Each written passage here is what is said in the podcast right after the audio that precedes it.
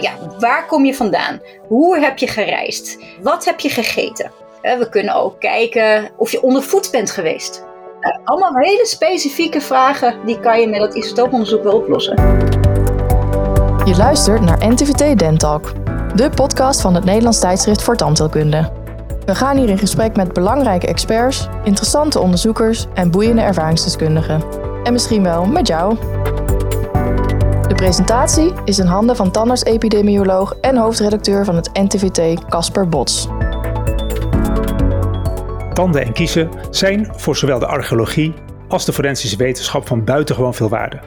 Het zijn kleine tijdscapsules die door de toepassing van zogenaamd isotopenonderzoek geheime prijs geven en antwoorden geven uit een ver verleden. Omdat gebitselementen zeer goed bestand zijn tegen grote veranderingen en invloeden van buitenaf, kunnen zelfs duizend jaar oude gebitselementen nog informatie geven over menselijke populaties. Uit welk deel van de wereld komen de mensen en welke route hebben ze in hun kinderjaren afgelegd en wat voor voedsel hebben zij gegeten? We gaan over dit boeiende onderwerp in gesprek met onderzoekster Lisette Kootker, werkzaam op de afdeling Geologie en Geochemie van de Vrije Universiteit in Amsterdam. Lisette, ontzettend leuk om met jou over dit onderwerp eh, te praten. Hoe ben je ooit geïnteresseerd geraakt om dit soort onderzoek te gaan doen? Ja, dat gaat eigenlijk terug naar, terug naar de universiteit. Dat ik, uh, ik studeerde geoarcheologie, wat een soort van hybride vorm is tussen aardwetenschappen en archeologie. Oké, wacht, wacht even. Aardwetenschappen en archeologie. Archeologie kan ik me iets meer voorstellen. Aardwetenschappen, wat, wat doe je daarbij precies? Ja, aardwetenschappen, dat is, uh, god, wat krijg ik mee? De, de petrologie, wat voor, wat voor gesteenten zijn er? Wat voor geochemische methoden zijn er om die gesteentes te onderzoeken? Dus op die manier uh, krijg je dus de basis van die aardwetenschappen krijg je mee, de basis van de geologie. Maar in plaats van dat wij uh, vulkanische gesteentes onderzochten, onderzochten wij dan dus de artefacten, dus de voorwerpen die men in de archeologie had gevonden, die gemaakt oh, okay. waren die vulkanische gesteentes. Oh, dus een beetje eigenlijk het afval van de, uh, een beetje het afval wat ertussen zat. Ja, exact, soort van, inderdaad. soort van. Maar een deel van, van uh, dat was een hele nieuwe studie was dat uh, toen die tijd. Dat was mm -hmm. over ook, jeetje, 21 jaar geleden nu. En een deel van die master was een college en dat ging over de bioarcheologie. Dus dat is niet zozeer die geoarcheologie, dus dat is niet nou ja, de aardwetenschappen, maar juist de biologie, de natuurwetenschappen. En, uh, mm -hmm. nou ja, en een van die dingen die besproken werden was, was het isotooponderzoek en het DNA. En dat was dan toen een nieuwe, nieuw soort studierichting? Ja, ab absoluut. Kijk, DNA en, en isotooponderzoek zelf, dat stond nou ja, echt wel in de kinderschoenen. Ja, je zag dat er grote stappen gemaakt werden in het DNA-onderzoek. En ook het isotooponderzoek, dat werd de eerste keer werd dat toegepast. Jeetje, dat moet jaren, begin jaren tachtig zijn geweest. Ja. Maar in 2000 ja, was het eigenlijk of, ja, nog steeds niet ingebed, niet in de archeologie. Maar ik vond het zo intrigerend, ik vond het zo verschrikkelijk tof, dat ik dacht van hier, hier, wil, ik, ja, hier wil ik gewoon mijn, uh, mijn, mijn toekomst in, uh, mijn weg in vinden. Ja, dat is een heel spannend vakgebied, denk ik, als dat allemaal in ontwikkeling is. Uh, dus ik probeer me voor te stellen, dus in die gesteenten die onderzocht werden door bestaande uh, wet wetenschappers en onderzoekers, zaten biologische materialen. En die werden dan door middel van DNA uh, werd dat bekeken wat het is. En er kwam isotooponderzoek kwam daarbij. En, en... Ja, kijk, nou eigenlijk wat eigenlijk, ja, ik verschuifde meer van, van het anorganische materiaal, dus van die steentjes, naar het organische materiaal. Dus naar mensen, naar de resten van mensen. Okay. En eigenlijk vind ik dat persoonlijk nog steeds het mooiste verhaal wat je in de archeologie kan vertellen. Hè? Omdat je gewoon naar je, naar je eigen voorouders kijkt. Precies, ja. Maar dan spreken we dus op dit moment over, nou, dan zitten we 2005, 2006, 2007. En toen bestond dit hele vakgebied in Nederland bestond gewoon niet. Sterker okay. nog, ja. tegenwoordig kan je uh, ja, de archeologie van menselijk botmateriaal kan je studeren in Leiden, maar dat bestond toen die tijd ook niet. Dus wat ik heb gedaan, ik heb toen die tijd mijn, uh, mijn diploma gehaald, uh, afgestudeerd dus in die, die aardwetenschappen. Mm -hmm. En toen heb ik geld gekregen vanuit het ja, VSB-fonds en Prins Bernhard Cultuurfonds om mijzelf te gaan specialiseren in menselijk en dierlijk botmateriaal in Engeland. Oké. Okay ben ik naar Engeland gekomen en toen kwam ik gewoon terug naar, uh, naar de VU met één doel. En dat was het isotooponderzoek inbedden in de Nederlandse commerciële archeologie. Want het gros van de archeologie die wij hier doen in Nederland is commercieel. Oh, wat is commerciële archeologie? Dat, dat betekent dat als een bedrijf, hè, Facebook bijvoorbeeld zo direct, ja. hè, als die zo'n groot datacenter wil plaatsen, er moet, voordat er ook maar één paal de grond in gaat, moet er archeologisch onderzoek gedaan worden. Oké, okay, verplicht, wettelijk bepaald. Verplicht, wettelijk verplicht. Dat is het verdrag van Valletta. En wat er dan dus eigenlijk gebeurt, hè, je hebt natuurlijk wel verschillende stadia. Je gaat van bureauonderzoek naar vooronderzoek naar veldonderzoek. Maar stel nou dat ze dingen vinden, dan ben jij als verstoorder degene die moet betalen. Oké. Dus jij betaalt voor het hele uitgebreide uh, archeologisch onderzoek. Dus dat is, dat is de, de commercie die wij in de, in de archeologie Ja. Dus toen ik in 2007, 2008 terugkwam in Nederland, toen ben ik dit gewoon gaan verkopen. Van jongens, uh, ja, wij, wij kunnen dit, maar we hebben het nooit gedaan, dus we het gewoon maar een keertje doen. En toen ben ik begonnen met een, uh, met een opdrachtje vanuit uh, ja, de provincie Noord-Holland. Ja. Ja, en nu zijn we 14 jaar uh, verder en uh, duizenden monsters verder en, en tientallen publicaties. Dus het heeft echt een enorme vlucht gemaakt. Enorm, in Nederland heeft het absoluut een enorme vlucht gemaakt. Sterker nog, het is gewoon op dit moment echt wel heel goed ingebed in die, in die archeologie. Dat wil zeggen dat op het moment dat er plannen van aanpak geschreven wordt, heel veel bureauwerk is archeologie. Dus als er een PVA, een plan van aanpak geschreven wordt, ja. staat er ook in, in het geval dat er menselijk botmateriaal wordt gevonden, dan moet er DNA- en isotooponderzoek plaatsvinden. Nou, dat is mooi. Dus, dus als ze kruikjes vinden of oude munten, uh, dan hoeft dat niet. Maar als er toevallig iemand naast ligt, uh, wordt opgegraven, dan wordt dat gedaan. En uh, wat is dan precies dat isotooponderzoek? Bij DNA-onderzoek kunnen we, kan ik me iets bij voorstellen. Um, maar isotopenonderzoek, wat, wat zijn isotopen en hoe onderzoek je dat en wat onderzoek je dan precies? Nou, waar we eigenlijk naar kijken, alles, alles om je heen, maar ook jij, alles wat je drinkt, dat bestaat uit elementen. Ja. He, in je water zit natuurlijk uh, uh, waterstof en er zit zuurstof. Maar er zitten bijvoorbeeld ook elementen zoals strontium in. Ja. Uh, en calcium zit erin. En in de slechtste gevallen zit er bijvoorbeeld ook een beetje lood in. Ja. Nou, al die elementen, ja, die, die consumeren wij en die zijn onderdeel van ons lichaam. Maar die elementen zoals strontium en zoals lood, maar zoals koolstof en stikstof ook, die bestaan uit verschillende vormen. Ja. En die verschillende vormen, die hebben allemaal wel dezelfde chemische eigenschappen. Dus het is allemaal strontium. En ze dragen zich allemaal min of meer hetzelfde. Maar het ene vorm is ietsje zwaarder dan die andere vorm. Ja, wat bedoel je met zwaarder? Dus ik probeer het voor te stellen. Zwaarder, een zwaardere massa. Dus dat het gewoon echt letterlijk zwaarder okay. is. Dus op het moment dat je nou ja, je monsters voorbewerkt en dat dus in een massaspectrometer stopt. Ja. Dat is zo'n hele grote dure machine die we gebruiken. Dan, uh, dan, dan leid je uiteindelijk je, je, je monstertjes langs een enorme grote magneet.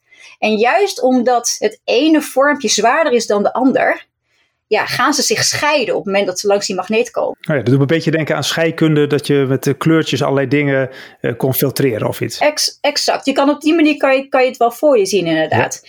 Dus nou ja, dat zijn dus isotopen. Isotopen zijn dus verschillende vormen van eenzelfde element, die dus dezelfde chemische eigenschappen hebben, maar een andere massa hebben. En juist omdat ze die andere massa hebben, kunnen we dus ook kijken naar bepaalde ratio's ertussen. Hè? Wat, is het, wat is de ratio tussen 87 en 86 strontium? Wat is de ratio tussen 206 lood en 204 lood? Oké, okay, heel gedetailleerd, heel gedetailleerd te kijken. Ja. Maar op het moment dat je dus naar hele specifieke ratio's van specifieke elementen kijkt, ja. Ja, dan kunnen wij dus kijken van, ja, waar kom je vandaan? Hoe heb je gereisd? Uh, wat heb je gegeten?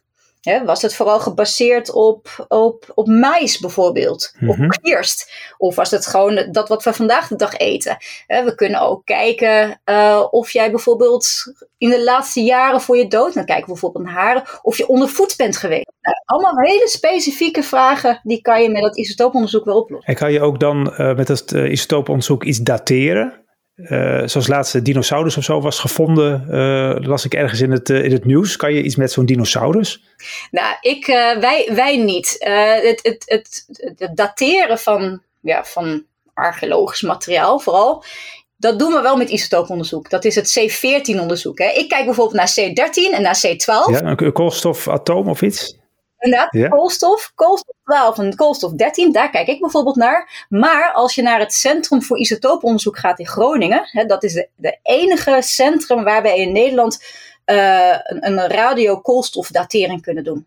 Die kijken naar C14. Dat kunnen okay. wij dan weer niet. En wat kan je met C14 dan zeggen? De, de tijdsbepaling. En die C14 kan je inderdaad bepalen hoe oud is, uh, iets is. Ja. En dat kan ik weer niet. We, we kunnen heel veel dingen.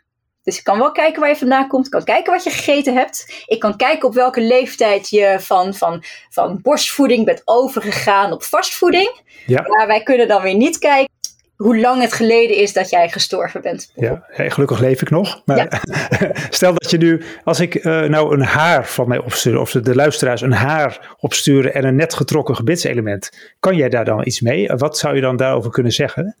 Nou, in, uh, laten we eens vanuit de theorie benaderen. Ja. In theorie kan ik er wat mee. In de praktijk is, zijn vooral die haren uh, verschrikkelijke materialen om mee te Oké, neem een tand. Laten we het, laten we bij een uh, gebitselement hebben. Bijvoorbeeld een 1-8. Er is een verstandskies getrokken. En die uh, komt bij jou uh, op het bureau terecht. En zegt, doe, vertel iets over het leven van de persoon met deze verstandskies. En het is mijn eigen verstandskies bijvoorbeeld. Ja, nou, wat wij in, in dieren wel kunnen, maar niet in mensen kunnen.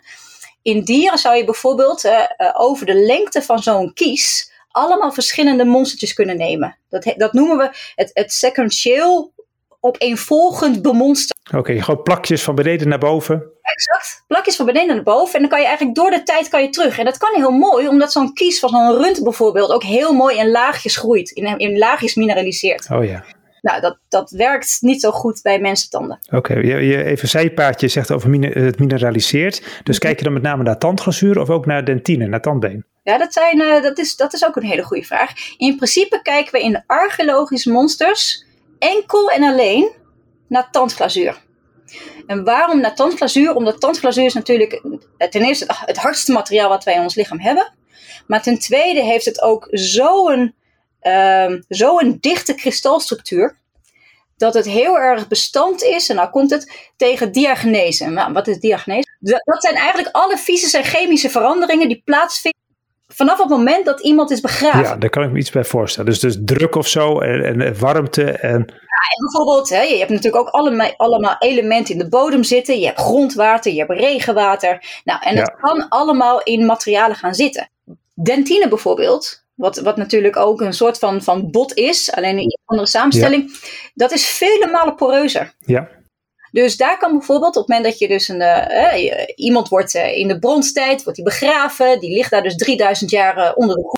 En dan, dan graven de archeologen hem op. Maar in die 3000 jaar is er allemaal strontium, als we daar ons op, op concentreren, allemaal strontium vanuit de bodem en vanuit het grondwater ja, in die poriën van de dentine geslopen. Oh, dus daar moet je voor corrigeren dan, denk ik. Ja, ik kan het er niet uithalen. Oh. Maakt niet uit welke chemische manier je toepast. Eigenlijk is al dat wat we noemen biogenetische strontium, dus eigenlijk al het strontium wat jij hè, door consumptie van, van voedsel en het drinken van drinken, um, in, in jouw lichaam, dus in je dentine en dergelijke is opgenomen, dat is volledig vervangen door diagenetisch strontium. Dus het strontium wat in die Van de buiten. Ah, behalve in het tandglazuur. Exact, ah. van het tandglazuur. Dat heeft zo'n nauwe kristalstructuur dat die hele grote strontium-ionen, die komen er niet eens in. En als ze erin komen, dan is het helemaal aan de buitenkant. Dus wij halen de buitenkant altijd met een diamantbordje halen wij eerst weg. Zodat we dan van het hele mooie, fijne witte, witte glazuur overhalen. Ja, en als je dan, ja, als je dan inderdaad gaat naar die, uh, je gaat dat glazuur dan dus onder, uh, onderzoeken, maar ga je dat dan ook van boven naar beneden doen of doe je dat van buiten naar binnen? Of maakt het niet uit? Nee, wat wij doen, hè, stel dat ik jou, uh, jou, jou ja, 1,8 over 3000 jaar vind je mijn 1,8. Als ik jou 1,8 krijg ik bij mij, die is getrokken door de fysisch antropoloog. Dus iemand die echt gespecialiseerd is in, in ook menselijk botmateriaal. Die trekt voor mij deze, deze kies. Uit mijn schedel. Uit jouw schedel. Oh, dat wordt ook, eh, is dat, eh, doe je dat zelf ook wel eens? Ja, dat zelf ook wel eens, jawel. En dat, is, oh. is, niet, zo, niet zo traumatisch als het, het werk met levende mensen hoor. Nee, want het zit natuurlijk, die vezeltjes zijn denk ik vergaan waarmee je gebitselement vastzit, of niet? Nou ja, ja, ook dat. En je hebt natuurlijk dat, dat tandvlees, wat natuurlijk ook echt voor stevigheid zorgt. Uh, voor die elementen in, in die alveolen. Dat is natuurlijk ook allemaal verdwenen. Dus je kan het vaak uh, en dat is natuurlijk de kies uit de bovenkaak zijn lastiger, hè? want uh, die, hebben, die hebben drie, um, wortels. Uh, drie ja. wortels. En vaak zit er ook nog een, een klein haak aan die wortels. Dus dat ja. maakt het lastiger. Dus, maar als je gewoon naar de onderkaak hebt. Dus laten we niet jouw één. één ja, we doen een 4-6. Ja, exact. Oké, okay. je spreekt echt de tandheelkundige taal, merk ik. In het onderzoek wat wij doen, hebben wij het altijd over de, deze codes en over linguaal en buccaal. Ja. En proberen dat ook echt als, als community, zeg maar, binnen Europa echt te standaardiseren. Dat wij dit gebruiken. Wil niet zeggen dat wij het altijd op dezelfde manier gebruiken als de. Oké, okay, je gaat die 4-6 uit mijn schedel halen. Maar goed, die, uh, die inderdaad, nou, als het, als het mee zit en je bent niet heel best geconserveerd, dan kan ik dat. Sorry. Dan kan je dat gewoon heel mooi met mijn handen een beetje wringen. En eruit halen. Ja. Maar als wij bijvoorbeeld ook een kies zouden trekken voor DNA, dat is natuurlijk super gevoelig voor contaminatie, want je wil niet jouw DNA op de mossen, ja, dan, dan komt gewoon het, het tandheelkundige uh, team. Komt dat, oh ja. Nog, nog een heel klein zijstapje. Voel je je soms wel eens bezwaard als je in een, uh, een schedel van zo lang geleden iets eruit haalt? Voel je, kom je in een soort persoonlijke integriteit van iemand dat je denkt, ik zit hier met iemand die ooit ook uh, lief heeft gehad, die verdriet heeft gekend? Ja, misschien een beetje een aparte vraag, maar... Nee, helemaal geen aparte vraag. Dat is juist iets wat, mij, wat ik zo, zo prachtig mooi vind aan het onderzoek wat ik doe. Is dat je juist met die identiteiten werkt. Dat ik ben ontzettend van bewust dat ik, dat ik werk met, met menselijke individuen die lief en leed hebben gekend. Hè? Ja. En, uh, maar daarom vind ik het ook des te mooier dat ik bij kan dragen aan, aan het reconstrueren van hun levensgeschiedenis. Ja. Dus, dus wat dat om gaat, heb ik er nooit heel veel problemen mee om een, om een tand te trekken. En uh, het, het, het, werk wat ik doe is ook zo minimaal destructief dat in principe die kies dan ook wel weer gewoon terug in de alveo komt. Ja, dan scheelt het misschien of je forensisch bezig bent of dat je archeologisch. Uh... Absoluut, dat is zeker, uh, zeker weten. En, ja. um, maar waar ik nog wel eens wat in mijn achterhoofd heb, is uiteindelijk is het wel destructief wat we doen. Dus voor de hele mooie musea-collecties daar ja. ben ik altijd wel wat terughoudender. Ja. ja. sorry, we gaan even terug naar die, die 4-6 over 3000 jaar. Ik ben dus... We hebben hem, we hebben hem uit, de, uit de kaak gehaald en hij komt bij mij. En uh, wat ik doe is, ik kijk naar, uh, naar de kwaliteit van de, van de tand. Hè. Zijn, er, uh, zijn de caries bijvoorbeeld? zie ik echt goede slijtageplekken bijvoorbeeld? Hè, op, de, op de plekken waar hij dus bijvoorbeeld met die tweede kies of die tweede valse kies heeft gearticuleerd. Ja, wacht, de valse kies. Wat is de valse kies? die... die die premolaar, die, ja. um, wat is het? In dit ja, geval de, de, 3-5. De 4-5, ja. Oké, okay, maar die ook oh, valse kies. Oké, okay, ja, goed, grappig. Ja, maar die, die 4-6 gaat er dus, die is er dus, uh, dus uit. En je kijkt dus naar caries, uh, je kijkt naar slijtage. Kom jij vaak caries tegen dan bij gebitselementen van 3000 jaar oud? Oh, nou ja, nou, bij 3000 jaar oud valt het nog wel eens mee. Je hebt echt nog wel de grote caries. Het, wordt, het gaat pas slecht met ons gebit. Ja, Op nou. het moment dat wij, uh, dat wij suiker uh, weten te consumeren in alle lagen van de bevolking. Ja, dus na de VOC-tijd heb ik wel eens begrepen. Maar goed, daar, daar wil ik gewoon vandaan blijven. Dus ja. dan kies ik het mooiste vlak om een monstertje te nemen. Dus dan haal ik gewoon van de cusp haal ik, uh, wel de zijkant, dus de bukkale of de lichtwale zijde over het algemeen. Ja. Haal ik wat uh, glazuur aan de zijkant, maak ik het heel mooi wit. Um, Polijst je het helemaal met schijfjes en zo? Nee, het is echt een klein diamantbordje. Dus je haalt okay. de buitenste laag haal je eraf. En vervolgens bemonster ik, nou voor het, uh, voor het strontiumistooponderzoek, ongeveer 1 milligram. Oké. Okay. voor het zuurstofisotooponderzoek gebruiken we 0,3 milligram. Dat, dat is werkelijk helemaal niks. Maar al zou je loodisotooponderzoek willen doen, en godzijdank zit er niet zo heel veel lood in ons uh, lichaam, ja. uh, die Romeinen kwamen en dergelijke, um, dan, dan heb je echt wel iets van, van 30, 40 milligram nodig om een, om een succesvolle uh, analyse te doen. Ja, en dat is dan veel voor jullie. Ja, maar dat is ook echt wel. Ja, dat is echt slijpsel wat je kan zien, wat je ziet liggen. Ja, ja dat, is, dat is toch wel echt wel vrij destructief aan, uh, aan die kies. Dus dan heb je dat, dat poeder, heb je, en dan moet, wat, wat gebeurt dat, en dan? Nou, dat poeder heb ik en dan, uh, dan lopen we, die heb ik allemaal opgevangen in een, uh, dus laten we zeggen, we hebben specifiek voor strontium-isotooponderzoek bemonsterd. Dan heb ik die ene milligram, en ik kan op het oog ongeveer wel zien hoeveel dat is, heb ik dan in een klein Eppendorfje, dat is zo'n ja. klein, klein, klein buisje. buisje gestopt. En dan loop ik vier verdiepingen naar beneden en dan hebben we op de vuur hebben we een, een clean lab. Nou, een clean lab is eigenlijk een lab in een lab met een constante overdruk. Want we willen al het stof, dat willen we niet in, in dat lab hebben. In stof zit ja. ontzettend veel strontium. Dus allemaal contamineren. Net zoals uh, chips uh, voor uh, apparatuur wordt gemaakt. Zo'n soort lab. Dus, ja. ja, dus nou, niet, niet zo schoon nog. Want we zijn wel, we krijgen een nieuwe lab. Dat is mooi. Naast AFTA overigens komen wij. Oh, dat is uh, ook heel goed nieuws ja, natuurlijk. Ja, dat is heel makkelijk. Voor de samenwerking eventueel. Inderdaad, kunnen die kiezen in één keer door. En, um, maar dan, uh, en dan, dan gaan we daar het, het strontium extraheren. Dus, ja, um, dan doe je de vloeistoffen bij, gaat er allerlei... Ja, uh, eigenlijk wat we uiteindelijk doen, is we gebruiken een soort van resin. En die resin, dat, dat um, ik kom even niet ja. op het woord. Daar, nee, je hebt een soort, soort vloeistof, een soort lijm of zo, of een soort oplosmiddel. Het is een, nee, het is een heel klein, het is eigenlijk een soort van, van pipettipje. Ja. gebruik je. Nou, dat doe je, er zit een klein fretje in, dus, uh, en uh, die, die zorgt ervoor dat die resting die je erin gooit, dat het niet doorloopt. En vervolgens ga je dat allemaal wassen met salpeterzuur en met water. Okay. En dan conditioneer, daar is het woord, dan conditioneer je dat resin op zo'n wijze dat je dat resin eigenlijk hebt verteld van joh, jij mag alleen maar strontium vast blijven houden en alle andere elementen die erin zitten, je calcium, je fosfaten. Uh, Weg ermee. Oké, laat die maar Ja. En dan, uh, totdat je er water overheen gooit en dan, dan laat hij dat, dat strontium laat hij los, dat dampen wij droog. Dan nemen we dat mee naar weer een ander lab waar de machine staat. En dan de nemen massa, we... Ja, die, die massa, massa spectro massaspectrometer, ja. ja. En dan nemen we het weer op en dan uh, in, in, een klein beetje salpeterzuur. En uiteindelijk gebruiken we 1 microliter. Dus dat is uh, 1 miljoenste liter of 1 kubieke millimeter aan materiaal. Ja. En dat, uh, dat, ja, dat plaatsen we op een soort van filamentje, dus een gloeidraadje.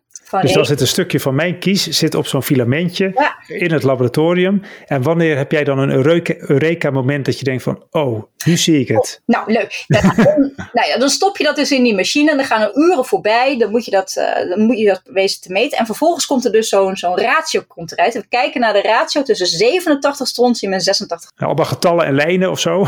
Ja, nou, dat zijn, ja, dat zijn allemaal getalletjes. Dat, uh, dat doet de computer, ja. uh, godzijdank voor. En we krijgen er 240. Dus één meting bestaat uit 240 metingen en dan pakken we de gemiddelde van. En ja, en als ik daar dan een getalletje uit zie dat uh, bijvoorbeeld, uh, ik wil 7075 is. 0. Ja, dan word jij al warm. dan hoor ik helemaal. Dit. Jij bent niet in Nederland opgegroeid, denk ik dan. Of juist als het, nou, dan denk ik, nou, misschien kom jij wel uit delen van de Eifel in Duitsland of uit uh, bepaalde delen van Frankrijk. Maar ik weet bijna zeker met die 7075 dat jij niet je jeugd in Nederland hebt doorgebracht. Ja. En tegelijkertijd weet ik dat ook met hele hoge ratio's. Dus, nou ja, en dat is natuurlijk ook het principe van het hele forensische onderzoek. Is dat uh, als je dus iemand gevonden hebt. En we weten niet wie het is. En er is geen match in de database en dergelijke. Mm -hmm. de, als de gewone forensische tandheelkunde of de forensische wetenschappen verder niks meer kan doen. Nou, exact. Dus dan is, wij, wij staan helemaal achteraan die rij. Ja, dan, dan kom je bij het istooponderzoek. En als ik dat dan, hè, dan doe ik bijvoorbeeld lood en strontium op zo'n tand. En dan heb ik zo'n ratio eruit, hè, die, wat ik zeg, die 0,7075. Ja. En dan weet ik met absolute zekerheid dat jij geen Nederlander bent. Althans, jij hebt niet die eerste drie jaar van je leven. Dus we kijken hè, in welke leeftijd vormt en mineraliseert dat glazuur. Ja. In het geval van, van jouw eerste kies is dat ergens tussen je geboorte en je derde levensjaar. Dus weet zeker dat jij in die drie jaar, de eerste drie jaar van je leven, niet in Nederland hebt doorgebracht. En dat weet je omdat er, dat er archeologisch materiaal gevonden is in de Eifel, die ook heel veel 07 of 0.7075 heeft. ja, dat, dat, is, dat, is, dat is in theorie zou dat heel erg fijn zijn dat het zo werkt. In de praktijk is het heel erg lastig. Want er zit een heel groot verschil tussen het archeologisch isotooponderzoek en het forensisch isotooponderzoek. En het heeft te maken met dat wat we eten. De, de aanname, en het is een beetje een gevaarlijke aanname hoor, ja. in archeologie. De aanname is namelijk dat uh, alles wat jij eet van lokale komaf is in de archeologie. Oké, okay, ja. Maar we weten, voor de ijzertijd klopt het eigenlijk überhaupt nog niet meer. Maar we weten sowieso natuurlijk voor vandaag de dag dat het per definitie niet waar is. Precies, uh, het komt overal vandaan natuurlijk. Het komt overal vandaan. Hè? Jouw water komt uit Spa, um, uh, weet ik veel. Je, ja. sterker nog, je, je, je, de granen die ze gebruiken voor de bolletjes uh, beschuitjes, die je iedere ochtend netjes ja. eet, nou, die komen uit Amerika. Oh. Die komen uit Michigan. Dus kun je na? Oh, ik kijk plotseling heel anders naar mijn bolletje beschuit als je het zo zegt. En de havermout, zag ik, die kwam uit Polen, dat zag ik laatst. Nou ja, je gaat zomaar verder. Dus, ja. dus wat wij hebben nu, is wij hebben nog geen lokaal voedsel nee. meer. En notabene, uh, kijk, in de archeologie zien we echt nog wel een isotopisch verschil tussen mensen die op de Pleistocene zandgronden hebben geleefd en of in het Holocene kustgebied. Wacht even, waar, waar is dat precies? Nou, bijvoorbeeld de mensen uh, die in, in de regio Alkmaar wonen. Ja. Of in de regio Den Bosch. Ja, dus onder de rivieren of erboven. Ja, exact. Dus hè, leef, je, leef je op die klei of leef je op de zanden, daar, daar zien we echt in de archeologie een groot verschil in. Maar als jij in Alkmaar naar Albert Heijn gaat en daar je broodje haalt, dan is dat eigenlijk het, hetzelfde brood als wat hè, jouw collega in, in Den Bosch bij de Albert Heijn okay. haalt. Dus ja. dat, is, dat is wat we noemen het supermarktdieet. Ja. En dat supermarktdieet heeft tot gevolg dat die extreme verschillen die we wel in archeologische mensen in Nederland zien, dat die helemaal ja, gehomogeniseerd, die worden uitgeleveld oh, ja. in, in moderne mensen. Dus het was steeds moeilijker als je dus uh, slachtoffers vindt uh, of mensen of menselijke resten van bijvoorbeeld 20 jaar, 10, 20 jaar geleden, die niet te identificeren zijn, is het bijna haast niet meer te doen. Nee, wat ik, ik bijvoorbeeld, ik kan in een, in een archeologische setting kan ik zeggen, jij komt mogelijk uit het Lusgebied in Limburg. Ja. Uh, en wat ik, wat ik alleen voor die zaken nog kan zeggen is, jij komt zeker niet uit Nederland. Oké, ja. Maar ik kan dus ook niet ja, met zekerheid bepalen dat je wel uit Nederland komt. dat kan sowieso heel slecht met deze methode. Dus ik kan heel goed zeggen waar je niet vandaan komt. Maar ja, maar dat kan ook helpen natuurlijk bij verdere... Verder, ja. ja. natuurlijk, en dat, dat helpt de politie sowieso. En als je het combineert met andere isotopensystemen zoals lood... Want met lood kunnen we ietsje meer. Dan kan ik kijken of je uit Noordwest-Europa komt of uit Oost-Europa komt. Nou, dan kan, dan kan ik dat al beter sturen ergens heen. Hè? Dus als iemand duidelijk uit Oost-Europa komt, ja, dan, dan weet je waar, je waar je ongeveer moet gaan zoeken. Ja, en als je dat dan combineert met eh, DNA-onderzoek, wordt het dan nog preciezer? Is dan 1 en 1 is dan 3 of niet per se? Nou, niet per se, want hier zit het grote verschil ook in natuurlijk tussen DNA-onderzoek en het isotooponderzoek. Want stel dat we jouw DNA analyseren ja. en er komt uit dat, jou, uh, dat jouw ei-haplogroep uh, zeg maar, de wat, hoge... wat is dat? Dus je ei-haplogroep, dat is zeg maar, uh, de, die hebt natuurlijk X en Y geslachts, uh, geslachtschromosomen. Ja. Vrouwtjes, uh, vrouwen hebben twee X'en. Ja. Mannen hebben een X en een Y. Ja. Nou, en die ei die kunnen, we, die kunnen ze heel goed typeren. Mm Dus nou, dat doen we ook heel uh, veel in de archeologie. Dus dan kijken we specifiek naar die eihaplogroep. Dus dan kijk je dus naar, naar verwantschap in de mannelijke lijn. Ja. En uit jouw eihaplogroep komt bijvoorbeeld een hogere prevalentie. Dus dat het vaker voorkomt in... Frankrijk. Ja, dat is wel een beetje lastig. In, in, in Azië, okay. ik ja. zeg. Maar dat zegt niks over jou. Het kan wel zijn dat het jouw vader of jouw overgrootvader of je overovergrootvader uit hè, delen van Azië deze kant is op is getrokken. Maar dat jij en je vader natuurlijk al generaties lang gewoon hier, hier in Nederland wonen. Nou, door juist die DNA-data te combineren met isotopendata, ja, dan, dan kunnen we wel wat zeggen. Precies. Dus uh, zegt, zegt, die, zegt die Aziatische genetische kom af, zegt dit iets over jou of niet? Nou ja, dat, dat, ja, daar dus dat is, is, dan puzzel je samen met uh, collega's, puzzel je dan uh, uh, een heel eind verder, of niet? Ja, ik moet wel zeggen dat in archeologie werken we beter samen, denk ik, dan in de forensische wetenschappen. Op dit moment krijg ik een, een tand met een kies, of een, een kies met een, met een halve vraagstelling en die probeer ik dan te beantwoorden. Ja. Um, maar ik weet wel dat in de toekomst gaat het ook zeg maar, beter geïntegreerd worden in, uh, met het politiewerk, met het werk van het NFI en met welke vragen kunnen zij stellen en, en, en waar kan ik potentieel antwoord op geven. We hebben het nu iedere keer over die, die strontium, heb je het heel, heel veel. Zit er nog een ontwikkeling ook op dit gebied met uh, andere isotopen of andere zaken die, waar je misschien nu nog geen zicht op hebt, die ook heel veel informatie kunnen geven? Of is dit onderzoeksgebied wel zo'n heel stuk verder dat dat niet meer verwacht wordt? Nou, ik, ik denk het is ongeveer 40 jaar geleden geweest dat voor het eerst het, uh, het strontiumisotopenonderzoek in ieder geval werd toegepast op, uh, op menselijk materiaal. Uh, dus het staat wat dat om gaat echt nog wel in de kinderschoenen. Hè? Ja. Maar als je kijkt naar de ontwikkelingen van de afgelopen jaren, zijn er vooral hele grote stappen gemaakt in, in het toepassen van nieuwe methoden of nieuwe isotopensystemen, nieuwe elementen. Vanuit het vraagstellen van het dieet. Dus niet zozeer de mobiliteit. Hè. Dus wij, wij kijken vooral naar zuurstof, naar strontium, uh, naar zwavel en naar lood. Ja. Maar ze kijken tegenwoordig ook steeds meer naar uh, koper en naar zink en naar calcium. En dat heeft meer met voedsel, eh, voedsel te maken? En dat heeft meer te maken met uh, wat heb je gegeten en op welke leeftijd uh, werd je gespeend. Dus op welke leeftijd ging je over van, van moedermelk op vast voedsel. Oh, dat is, was dat vroeger veel later? Of niet? Ja, dit is, dit is nog wel onderzoek wat, wat in Nederland nou eigenlijk gewoon nog niet is uitgevoerd. Ja. Dus in Nederland is het echt nog een, uh, een ongeschreven hoofdstuk, helaas. Maar als je kijkt naar de data in andere landen, ja, tegenwoordig uh, geef je denk ik de eerste fruithapjes met zes maanden, denk ik. Ja. En dan, uh, en dan is, is ja, in het geval van borstvoeding is het na een jaar, anderhalf jaar over het algemeen denk ik wel een beetje afgelopen. Maar vroeger was het een jaar of drie. Precies. Dus in de, in de, in de artikelen die er wel zijn van andere landen. Ja, ja, mooi. Dus eigenlijk een soort eindeloos vakgebied is het, als ik het zo hoor. Je kan heel lang ver door en heel breed ook. Ja, zeker. Want iedere keer dat jij onderzoek doet, dan kom je uiteindelijk, dat is misschien ook wat leuk van het onderzoek doen, je, je komt met meer vragen dan met antwoorden eigenlijk. Ja. En dus iedere keer dat je denkt van, goh, wat raar, of hoe zit het eigenlijk? Ja, dan geeft het gewoon weer aan, de aanleiding om, wat, om weer wat nieuws te doen. Ja, daar word je heel enthousiast van, zie ik. Ja, ja, ja ik, het, uh, ik, ik doe dit wel met... Uh, ik, ik heb altijd het idee gehad dat ik voor mijn hobby betaald krijg, zeg Oké, dat, dat, is een heel mooi, mooi gevoel.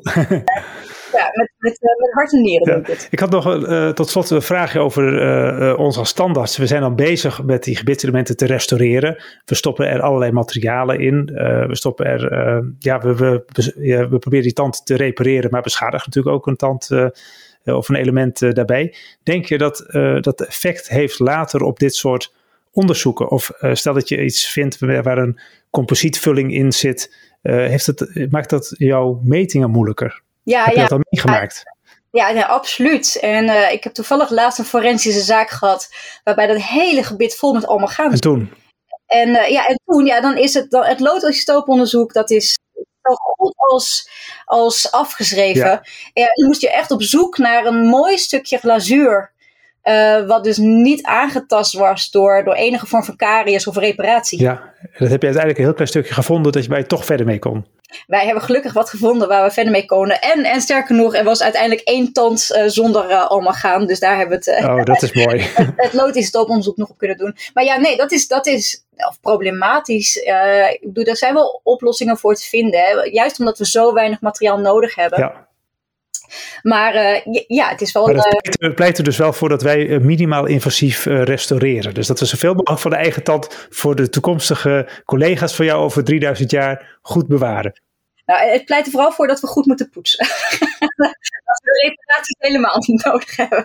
Om dat van een geologisch, geochemisch onderzoekster te horen, is natuurlijk heel, heel mooi. Ja. Um, helemaal, helemaal tot, tot slot, wat is de toekomst uh, van uh, dit onderzoeksgebied. we hadden het net al heel even over dat het, uh, ja, dat het steeds, het roept natuurlijk heel veel vragen op en het wordt steeds meer onderzocht. Mm. Als jij onbeperkt budget zou hebben, wat ga je dan morgen als eerste doen?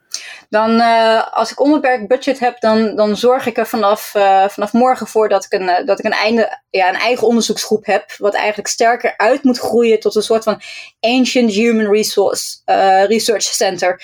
Dus waarbij je dus gecombineerd DNA- en isotooponderzoek kan toepassen Waarbij we dus ook gewoon meerdere onderzoekers hebben op hele specifieke isotope systemen. Wat nu probeer je in je eentje heel veel te doen. Hè? En de archeologie en de forensische en uh, hoek en al die isotopensystemen. Dat ik, uh, ik pleit voor, uh, voor, voor meer specialisatie daarin. Ja, nou, en dat we eigenlijk een soort van uh, ja, nationaal of, of internationaal uh, kenniscentrum worden, wat dat dan gaat. Oké, nou, ik, ik, ik, uh, ik wens je dat ook toe. En ik hoop dat iemand die, die luistert en daar invloed op heeft, daar ook positieve bijdrage aan zou kunnen leveren. Dat als ik je misschien over tien jaar weer spreek, dat, je, dat er een heel groot centrum staat en dat de kennis verder vermeerderd is. En dat we daar, ja, dat de gebitselementen waar we iedere dag naar kijken, dat die een bijdrage mogen leveren bij de forensische onderzoek en later ook bij de archeologie. Laat het ook. Oké, okay, Lisette, ontzettend eh, bedankt voor dit uh, gesprek. En we zijn hiermee aan het einde gekomen van deze Dentalk podcast, waarin we in gesprek waren met Lisette Kootker. Bedankt voor het luisteren en heel graag tot de volgende keer. Dit was NTVT Dentalk, de podcast van het Nederlands tijdschrift voor tandheelkunde. Heb je tips of leuke vragen voor ons? Laat het ons weten via redactie.ntvt.nl. Bedankt voor het luisteren en graag tot de volgende keer.